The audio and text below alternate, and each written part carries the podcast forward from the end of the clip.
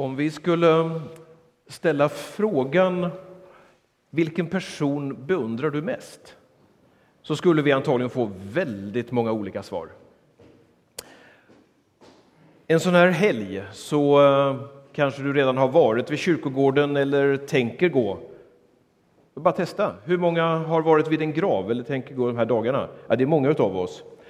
Och när man går på kyrkogården så väcks minnen av människor. Går man här ute, så bara vår församling, eh, tar man den här lilla promenaden där så är det en massa namn som eh, liksom poppar upp. Där står det namn som på gravarna Cederfjord, det står eh, um, Lavi Samveli, det finns en familjegrav Källgren här, Egon Svensson, bara för att nämna några som ligger alldeles här borta. Och det där är människor som de här dagarna som vi särskilt blir påminda om. Men skulle vi göra en sån där lista på vilka människor är det som vi beundrar så blir det väldigt mycket människor som kallas ledare. Ledare de är ju några människor som leder och själva tanken med en ledare är ju att de får efterföljare. Ibland så har vi chefer och chefer de är någonting annat än de som är ledare. Och ledare de vill vi följa lite frivilligt och det är någon som står för någonting och när man möter en riktig ledare då vill man liksom underordna sig den personen och man anammar idéerna och man ställer liksom upp på det som ledaren står för. Och så blir man då med på det som ledaren gör. Och ledarskap det utövas i alla våra relationer. På ett sätt så är vi ledare först och främst för oss själva. Och Det ledarskap som du och jag först och främst måste utöva det är ett ledarskap över mig själv. Men sen har jag också ett stort ledaransvar i min familj, i min vänkrets, på mitt arbete och så vidare. Och På det sättet skulle jag bara vilja ha en liten bakgrund till det här Eh, ledare. Tidningen Forbes de gör såna här listor.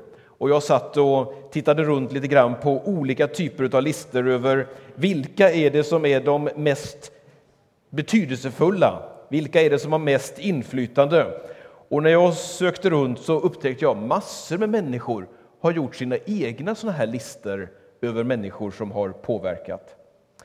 Och idag skulle jag vilja ha, sätta som rubrik för det jag tänker säga några minuter framöver utifrån ett bibelord som vi ska läsa alldeles strax. Nämligen det här med att vara huvud och inte vara svans.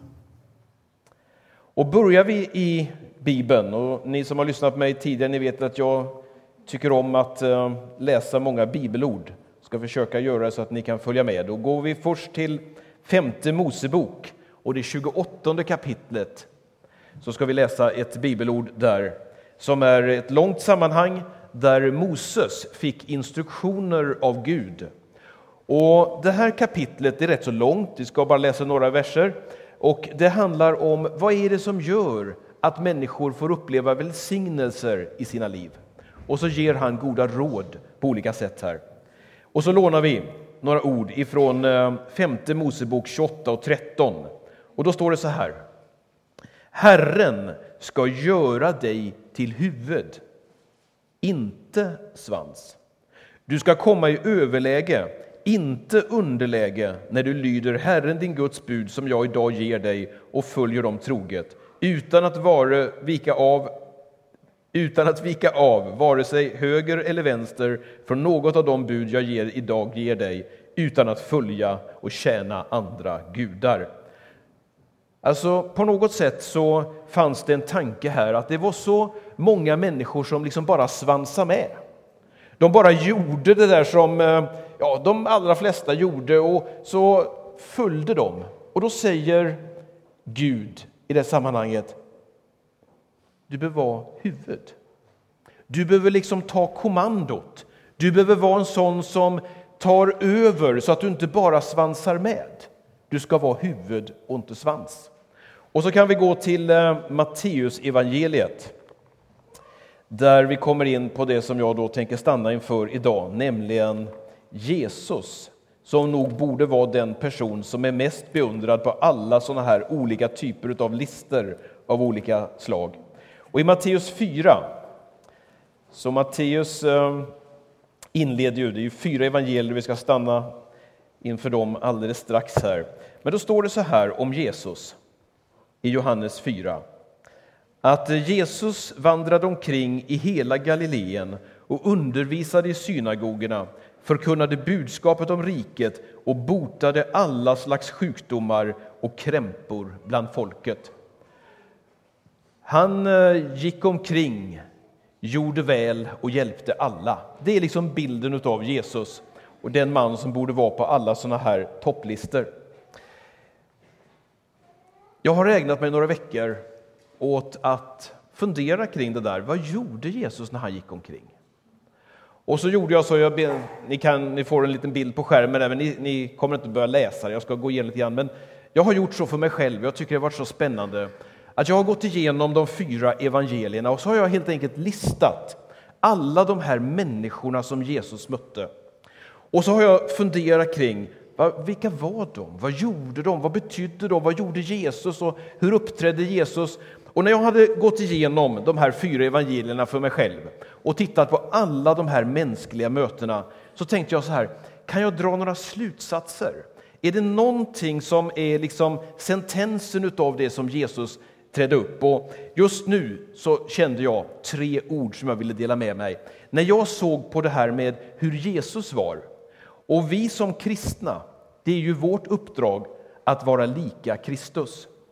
Och då tänkte jag lite grann att jag såg här på något sätt hur Jesus tog initiativ. Det vill säga att det var någonting som var en aktivitet från hans sida. Och det var ett sånt här litet ord som jag skulle dela lite grann kring med er. Och det andra sen, det var det att när jag såg när, när han möter människor så hittar jag inget bättre ord än att Jesus var inkluderande. Det vill säga att han, han ville föra in alla människor in i en gemenskap och han brydde sig om alla. Och det tredje det var då att jag tyckte mig se att Jesus hade ett enormt intresse för människor. Och det är lite grann det som jag skulle vilja dela tillsammans med er idag. Om vi börjar med det här med eh, att Jesus tog initiativ och möter några av karaktärerna. Och nu ska inte jag hålla något bibelstudie, ni behöver inte vara oroliga för det här med eh, de här människorna. Men några av er som är bibelläsare, ni är väl bekanta med de här bibelställena. Och om vi börjar i Matteus evangeliets 19 kapitel, där möter Jesus en tullindrivare. Och den här tullindrivaren, det är många som har spekulerat kring honom vem han var och, och varför han gjorde som han gjorde. Och eh, eh, Nej, nu var jag fel här. Jag tänkte tala om Sakaios, men då är det inte Matteus som jag har skrivit. Utan vi har i Lukas, så bläddrar vi fram till det. Och där har vi då mötet när Jesus möter en av de här hatade människorna. Och berättelsen var ju då att eh, Jesus kommer in i Jeriko och där finns det en man som är väldigt bekant som heter Sakaios. Och Sakaios han hade hand om tullen och vi läser i den här berättelsen att han var en fifflare. Han tog undan en hel del tullpengar, inte så att staten fick dem utan han behöll dem i en egen ficka och han var antagligen rätt så rik. Och när Jesus går där på gatan så var det säkert en väldig uppståndelse för ryktena hade spridits om honom. Och eh, Sakaios det står att han var liten till växten och om det var därför han klättrade upp i den här busken, en sykomor, eh, det vet vi inte, men vi kan spekulera i det. Och för er som var här för ett tag sedan så hade vi en, eh, ett träd här där det var en familjegudstjänst där Sakaios var lite, lite gömd i det där trädet. Men vad Jesus gör när han kommer där, det är att han gör någonting som ingen hade förväntat sig. Jesus tog ett initiativ. Och så säger han där till Sakaios, utan att han egentligen har haft någon annan diskussion och så säger han det. Skynda dig ner Sakaios, idag ska jag gästa ditt hem. Jesus hade antagligen aldrig blivit inbjuden. Och då kan man säga, han verkar lite framfusig. Kan man göra så där? Och jag tror att den här berättelsen försöker säga någonting till oss. Att när Jesus mötte människor så tog han en massa initiativ. Han var den som öppnade upp ett samtal. Han var den som inledde någonting. Och där kanske vi behöver ha lite mer frimodighet att våga. Vi lever i en kultur där vi har väldiga avstånd mellan oss. Jag sa en gång här i kyrkan, jag kan upprepa det, men det var någon som blev lite irriterad. Det är så att, till exempel när man kom hit idag, när man sätter sig i de här typen av bänkar som vi har, om man sätter sig för nära någon så man får lite kroppskontakt, så är det en del som till och med säger ursäkta. För att vi är så rädda att beröra varandra. När, när man åker buss, jag, jag åker väldigt mycket kollektivt, så är det så att om jag går och sätter mig på den sidan bussen här och så kommer det på en till, så går de och sätter sig långt ifrån mig. Jag har bott i ett annat land. Och i det landet det var det så att satt man på bussen och det fanns en plats bredvid, nästa passagerare satte sig där och frågade hur har du det och hur är det här? Gick man ut och åt och var själv så satt man inte själv vid ett bord utan då kom de andra och satte sig, för ingen vill ju äta själv. Och I en del länder så är det så naturligt att man hälsar på varandra och man tar initiativ. Men i vårt land så kanske det är så att vi behöver säga skynda dig ner, för jag vill komma och gästa dig. Vi går till en annan sån här berättelse, så vi inte stannar för länge nu här. Men eh, den samariska kvinnan vid brunnen, som är en spännande berättelse om ett av de här mänskliga mötena. När Jesus är trött, han är lite sliten och han är på vandring och eh, han är hungrig och törstig. Och lärjungarna de går in i staden för att de ska då köpa mat. Och då är han vid en brunn och stannar där. Och så kommer en kvinna. Och den här kvinnan och Jesus som vi kan förstå här, de är själva vid brunnen. Och då tar Jesus ett initiativ och säger till kvinnan, ge mig något att dricka. Och hon blir så förvånad över att han överhuvudtaget tilltalar henne.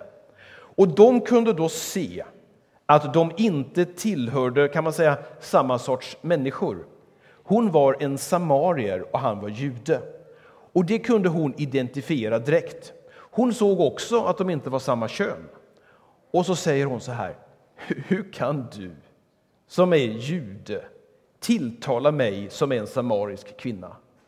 Och så fortsätter sen samtalet dem emellan. Och så vet vi att det där mötet som hon hade med Jesus blev till en förändring för en hel stad. Vad jag vill säga med det här det är att Jesus tog en massa initiativ. En del av er, ni var med vid ett tillfälle då vi gjorde en liten speciell händelse med en massa ballonger. Vi hade ett läger, och en del kanske ser det på den där bilden. Vi hade ett läger och, och Dag som sitter där nere hade en idé. Han talade om jantelagen. Och jantelagen det är någonting av det svåraste vi har att berätta om när vi ska berätta om vår kultur.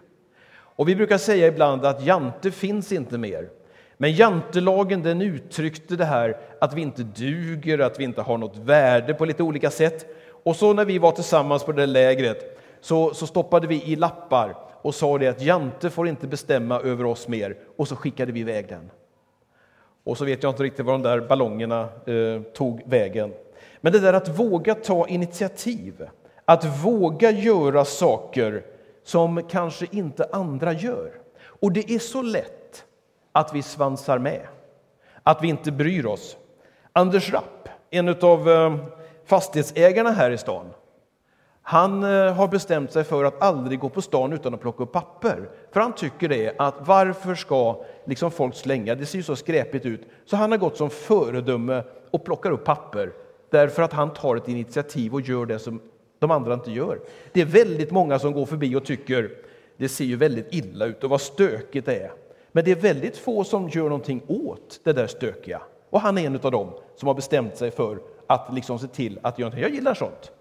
De som tar initiativ, som vågar göra saker. Jag ska berätta om en vän till mig. Och jag vet att den här berättelsen den, den haltar lite grann. Han är regionråd eller landstingsråd och en av dem som är ledarna i regionen. Och han var ute på ett studiebesök. Och under det här studiebesöket så var han på en av våra inrättningar, det som vi skattebetalare betalar för. Och jag ska inte namnge vad det var, men han var där och i hans sällskap så var chefen för den här anläggningen. Och så gick de omkring och så gick de in i ett rum och det var några av medarbetarnas rum där. Och på väggen så hängde det en bild på en naken kvinna. Hon var jättevacker och det var en duktig fotograf som hade tagit det. Så det var liksom inget fel på den där bilden egentligen. Men, men eh, landstingsrådet då, han tyckte det där var en bild som han inte kunde ställa upp på värdet på den där bilden. Han tyckte det att det var kvinnoförakt att sätta upp sådana bilder på en arbetsplats. Och dessutom så blev han oerhört upprörd över att det var på en sån här arbetsplats som ju är eh, Det var inte så att offentligheten kunde komma in där, men det var ju ändå vi skattebetalare som hade betalt för det där. Och då säger han så här till chefen som står bredvid. Du, det där är ju en pornografisk bild. Hur kan du tillåta att den hänger här? Och då säger chefen där, ja, men du vet, det här är känsligt. Och ta upp det, det är ju deras arbetsplats och de tycker nog om de där bilderna. Så du menar att du som chef inte ser till att på den här offentliga platsen att sådana där bilder försvinner? Nej, sa han, det här, det här är lite svårt. Och så höll han på. Du, säger han, min vän då, jag tycker inte att du är bra som chef. Du borde göra så här. Och så går han fram, in i de där bland bänkarna, där, går fram till väggen, tar tag i affischen och river sönder den. Det var säkert olagligt. Det var säkert fel. Man får säkert inte göra så. Men jag gillar ändå det där, måste jag säga. Alltså att här har nog rätt så många gått och retat sig på en arbetsplats över någonting som många tyckte var väldigt, väldigt olämpligt. Men ingen hade vågat ta tag i det. Och så kommer landstingsrådet och han river sönder affischen.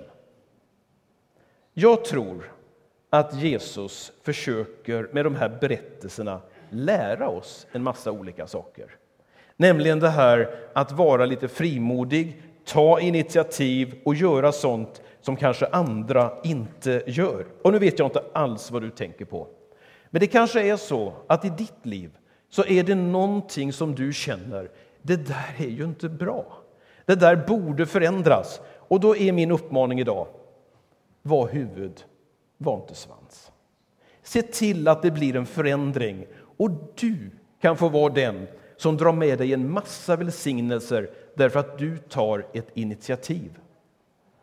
Om vi går vidare med det andra ordet som jag tyckte mig finna här så var det det här med eh, när Jesus då mötte olika människor så eh, var det också så att han var inkluderande på olika sätt. Vi kan bara ta, för det ligger i ordningen på bilden här, Martin Luther King som vi kan ha med, att han sa en gång så här, fritt översatt till svenska, att den stora tragedin när vi ser en massa saker runt omkring, det är inte de onda människornas brutalitet. Nej, tragedin, sa Martin Luther King, det är de godas tystnad. När Jesus då mötte människor så tycker jag mig se att han var otroligt inkluderande. Om vi börjar någonstans i sammanhangen här så kan vi gå till Johannes 8 där Jesus möter eh, ett gäng fariseer i templet. Och det verkar som att Jesus har gått till templet eh, för att eh, vara med i undervisning. Det är tidigt på morgonen och folket är samlat runt omkring honom. Och då kommer det, det är ett väsen. Och så kommer det då ett gäng skriftlärda och fariseer ditsläpande med en kvinna. Och hon är känd för att vara äktenskapsbryterskan. Och när Jesus möter henne så är det också ett mycket, mycket märkligt möte. Vi vet inte riktigt vad det är som, som eh, han vet om och vad han har för förkunskap om den här kvinnan. Men det är ju helt uppenbart så att enligt den lag som de hade så var det rätt att stena den här kvinnan. Och det var den tiden och tyvärr förekommer sånt här även, även nu. Eh, och då är de här människorna, de här männen, är beredda att, slänga sina stenar på Jesus. Och vi kan läsa det här i Johannes 8. Och då gör Jesus någonting mycket, mycket märkligt. Han, eh, han säger till dem där, okej, okay, säger han. Gör så här att stena kvinnan, för ni har ju ertappat henne på bar gärning. Och då föreslår jag att den, den av er som är utan synd, han börjar. Och sen böjer han sig ner och ritar någonting i sanden. Och det har spekulerats i vad han ritar. Eh, en tanke, han, det är två gånger som han böjer sig ner, det är att första gången som han ritar så gjorde han så här, en båge på det här sättet. Och så gick det en stund Och sen ritade han bågen på samma sätt men åt andra hållet och då gjorde han den så här. Och det har ni sett det tecknet på väldigt många olika ställen. Så var det när eh, det blev en stor förföljelse och de kristna skulle liksom känna eh, eller bevisa att de var kristna, så där lite dolt. Så ritade någon i sanden eller så där, gjorde ett tecken på det här sättet och den de mötte så gjorde de på det där sättet. När man skulle säga kejsaren är herre så ville ju de kristna säga Kristus är herre, men det fick de inte, det var förbjudet. Och det här tecknet, som ju då blir, ni som följer på radio, ni förstår inte alls nu vad jag håller på med, men, men det blir ju då visuellt en fisk. Och tecknet av en fisk. Och på grekiska så heter fisk iktus, eller istus. Och det är bokstäverna för Jesus Kristus, Guds son, vår frälsare. Och det där var liksom ett sånt där tecken. Och det är en del som har det på bilarna nu, en del de har det på smycken. Och det är liksom en identitet för det här med kristna. Nu vet vi inte alls om det var det som Jesus ritade i sanden under det där mötet. Men vid det där mötet med den här kvinnan, hon hade ju syndat. Hon hade ju fallit. Hon hade gjort fel.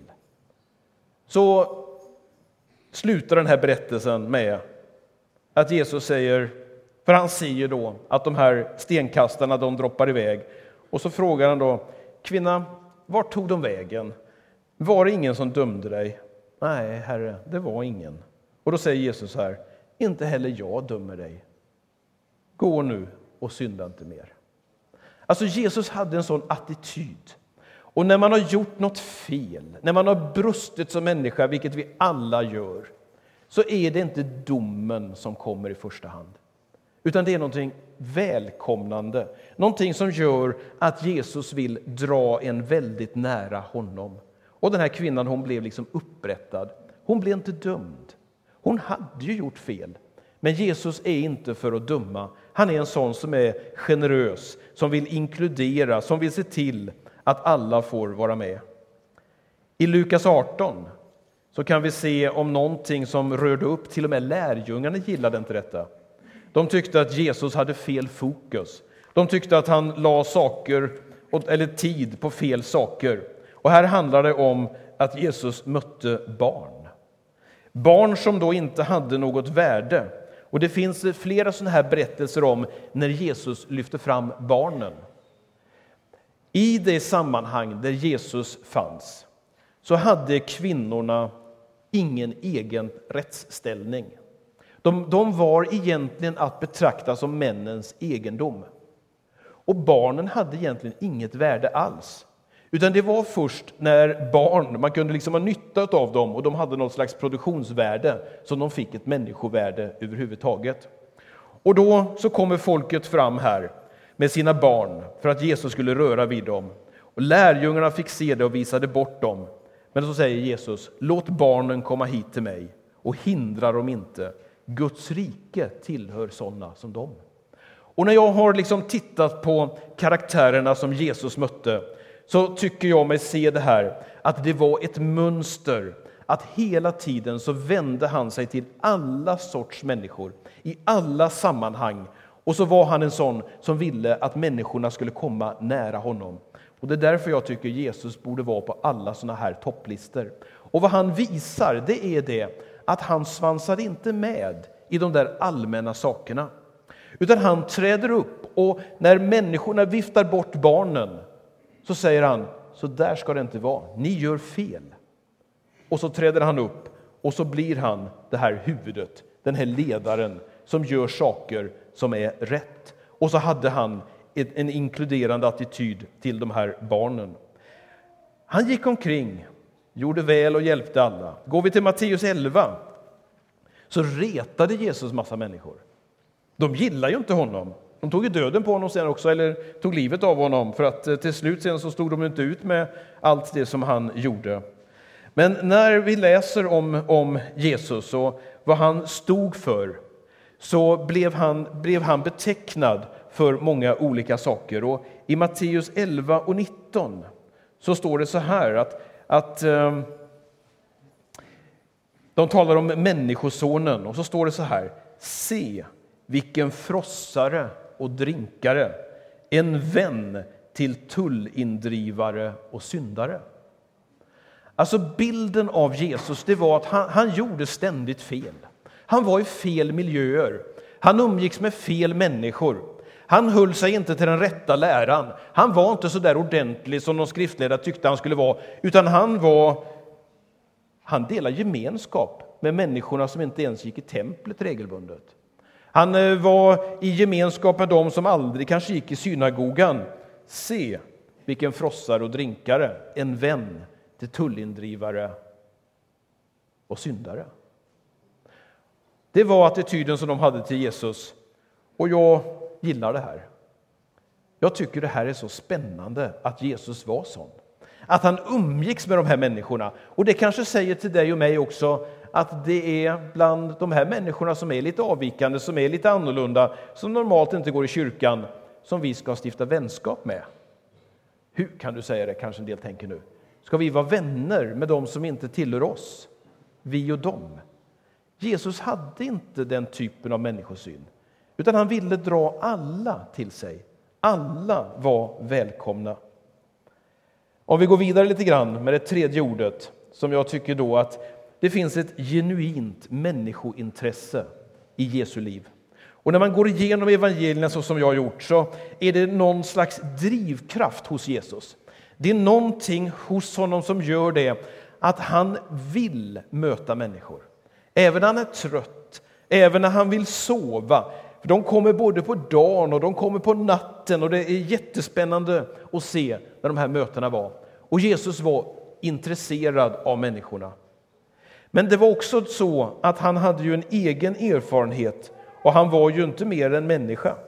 Om vi går till Matteus 8 så är det en sån här händelse där en officer kommer.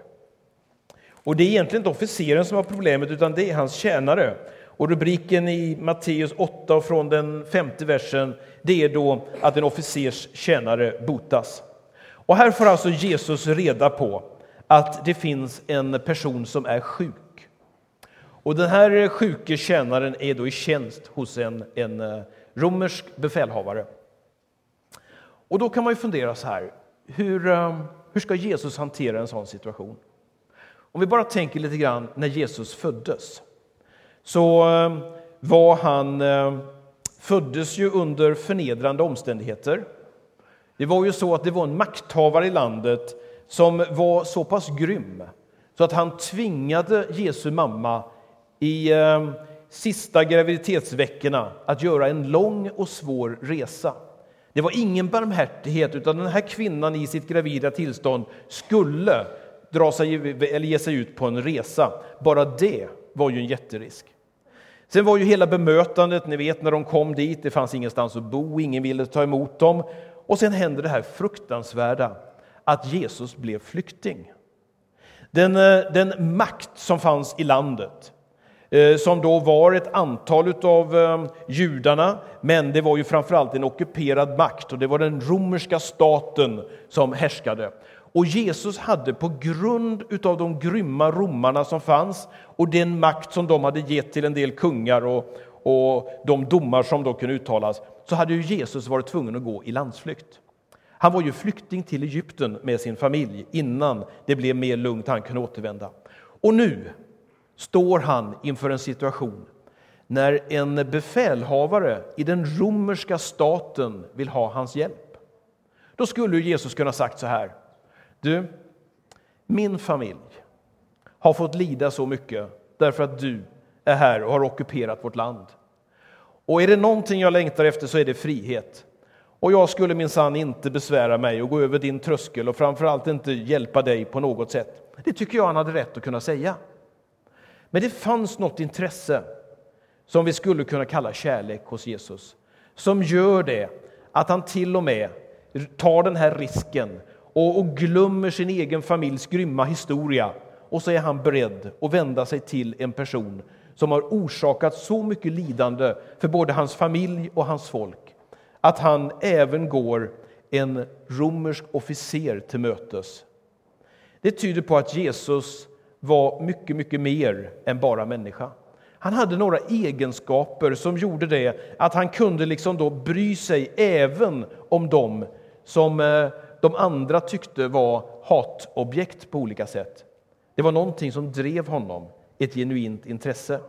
Tittar vi i eh, åttonde kapitlets början så finns det en annan sån där berättelse om en spetälsk. Och då var ju grunden det att spetälska, de skulle man ju då driva bort på olika sätt. De hade ju liksom inget människovärde längre. De var ju en fara. De var också en smittorisk.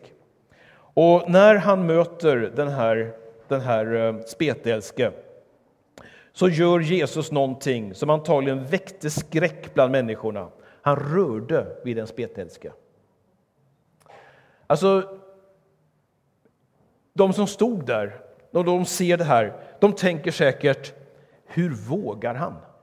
Det här är ju en sjuk människa som kan sprida en risk. Och om vi vet om någonting så är det ju det att de ska vi inte ens gå nära och framförallt ska vi inte röra vid dem.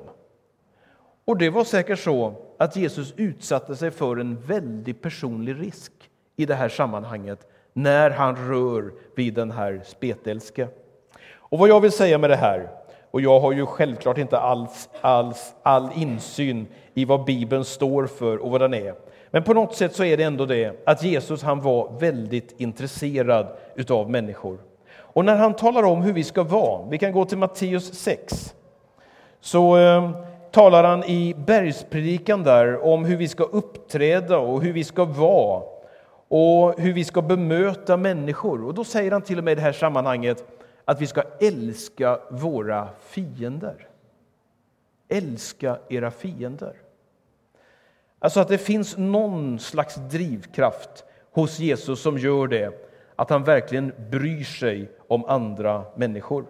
I Matteus 9 där talas det om att eh, Jesus, han, när han såg människorna, så fick han nöd. Nu använder de inte ordet nöd här, utan det står så här i Matteus 9 och 36.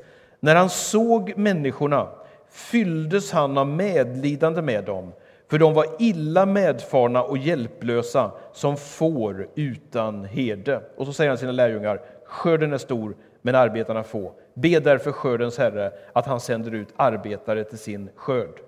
Alltså att det fanns så mycket utav olika typer utav behov. Och Jesus kände nöd, han kände en drivkraft. Och när Paulus beskriver det här så talar han om att han har fått möta en drivkraft i Andra Korintierbrevet 5 och 14. Och där talar han, och, och det här ordet som nu översätter vi, det står i Andra Korintierbrevet 5 och 14 versen. Kristi kärlek lämnar mig inget val. Och Det finns en del andra översättningar som säger att Kristi kärlek manar mig, eller Kristi kärlek driver mig. Att det är någonting som gör det, att det som jag fått uppleva, säger Paulus, det är så starkt så att jag vill vara med och sprida det till andra människor. Jag satte som rubrik idag att vara huvud och inte svans. Och min uppmaning till dig det är att du skulle anta en utmaning idag. Vi behöver ledare. Vi behöver ledare först och främst för oss själva. Och det är bara du som kan ta det ansvaret för dig. Men sen behöver vi ledare i våra små sammanhang, i våra familjer, i våra gemenskaper av olika sätt. Idag kommer vi som församling att ta ett stort beslut, nämligen då att kalla en ny ledare till vår församling. Vår, vårt område här behöver ledare. Vårt land behöver ledare. Och ledarskap, det handlar väldigt mycket om att se till att man är trogen det som man, man ser inom sig själv. Att man tar ett steg, att man tar ett initiativ. Och när jag har läst de här bibelmötena, människomötena som Jesus hade, så ser jag det att Jesus han tog hela tiden initiativ. Och jag skulle önska att vi fick uppleva mer utav honom i våra liv. Så vi kunde bli mer lika honom. Så att vi skulle kunna orka det här med våga, vara lite frimodiga, ta de här initiativen. Och framför allt då att vi skulle känna det, att vi kan vara huvud och inte svans. Det kanske är så att du i din situation lever nära människor som eh, har olämpliga beteenden, som gör olämpliga saker. Och ingen har förmanat dem. Ingen har sagt det där, ingen har pekat på det där, utan det har varit massor med människor som har svansat med. I en sån situation skulle det behöva komma in ett huvud som säger det där behöver du åtgärda, det där behöver du förändra och säga det i all kärlek. Säga det i all omsorg som jag upplever att Jesus har förmågan att kunna göra. Och lever du i en situation där du känner att det är någonting som du egentligen inte vill ställa upp på, så är min uppmaning idag, var huvud. Var inte en svans som bara svansar med. Ska vi avsluta med ett bibelsammanhang ifrån eh, Efesierbrevet, där eh, det talas om eh, att han kan ge oss kraft och han kan ge oss styrka. Och han vill vara med. Jag ska ge en liten illustration till detta här. I Efesierbrevet och så tappade jag bort vad det var nu. Ehm, 17 versen har jag skrivit, men inte kapitlet. Det var ju slarvigt av mig här nu. Um, då får vi bläddra snabbt. Um, det står så här, måtte han i sin härlighets rikedom ge kraft och styrka åt er inre människa. Vem hittar det först?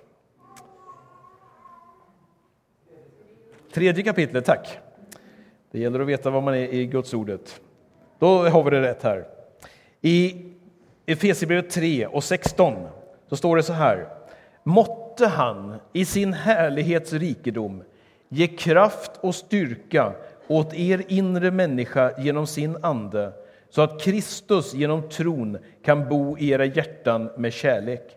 Stå fasta och var stadigt rotade i honom så att ni tillsammans med alla de heliga förmår fatta bredden och längden och höjden och djupet och lära känna Kristi kärlek som är väldigare än all kunskap tills hela Guds fullhet uppfyller oss. Han som verkar i oss med sin kraft och förmår, förmår göra långt mer än vi kan begära eller tänka. Hans är härligheten genom kyrkan och genom Kristus Jesus i alla släktled i evigheternas evighet. Amen. Efesierbrevets tredje kapitel. Alltså där, där Paulus säger det, att det finns en möjlighet idag att få ta emot en kraft ifrån Gud som gör det att du kan stå stadigt rotad och fast i honom så du kan få känna det att du kan få vara till välsignelse för andra människor. Att vara rotad i Kristus är det som är här. Och Det som är min uppmaning idag, i all enkelhet, det är det att jag skulle vilja be en bön tillsammans med dig. Och vi vill ge samma med vårt nattvardsfirande möjlighet till, till ytterligare förbön. Men du som känner det, att du har blivit träffad idag, att du skulle vilja vara huvud i en speciell situation. Dig skulle jag vilja be med alldeles speciellt idag. Du som känner att det är någonting som jag skulle vilja ta itu med. Och så har du känt en inspiration när du har sett hur Jesus mötte andra människor. Att du skulle vilja vara en sån när du möter de här människorna. Och det är min bön och längtan att få vara med och stå vid din sida så att du kan vara huvud framöver och inte vara en svans. Herre, nu vill jag bara nedkalla din välsignelse över oss alla. Jag vill bara tacka dig för Gudsordet och den rikedom som vi kan se när vi läser ditt ord. Och Jesus, när du gick omkring, gjorde väl och hjälpte alla, så var du så klok och du var så förnuftig. Och Herre, vi känner oss så ringa och så små när vi jämför oss med dig. Men du har lovat det, att du ska ge oss kraft, att du ska ge oss en möjlighet, att vi också ska kunna få vara sådana som är med. Och du har kallat oss vittnen. Och Herre, jag bara ber att du ska hjälpa oss att få vara människor som leder positivt mot ett mål som är välbehagligt. Herre, under allhelgonahelgen så minns vi de som har gått före. Och Herre, vi är så tacksamma för alla de ledare som har funnits.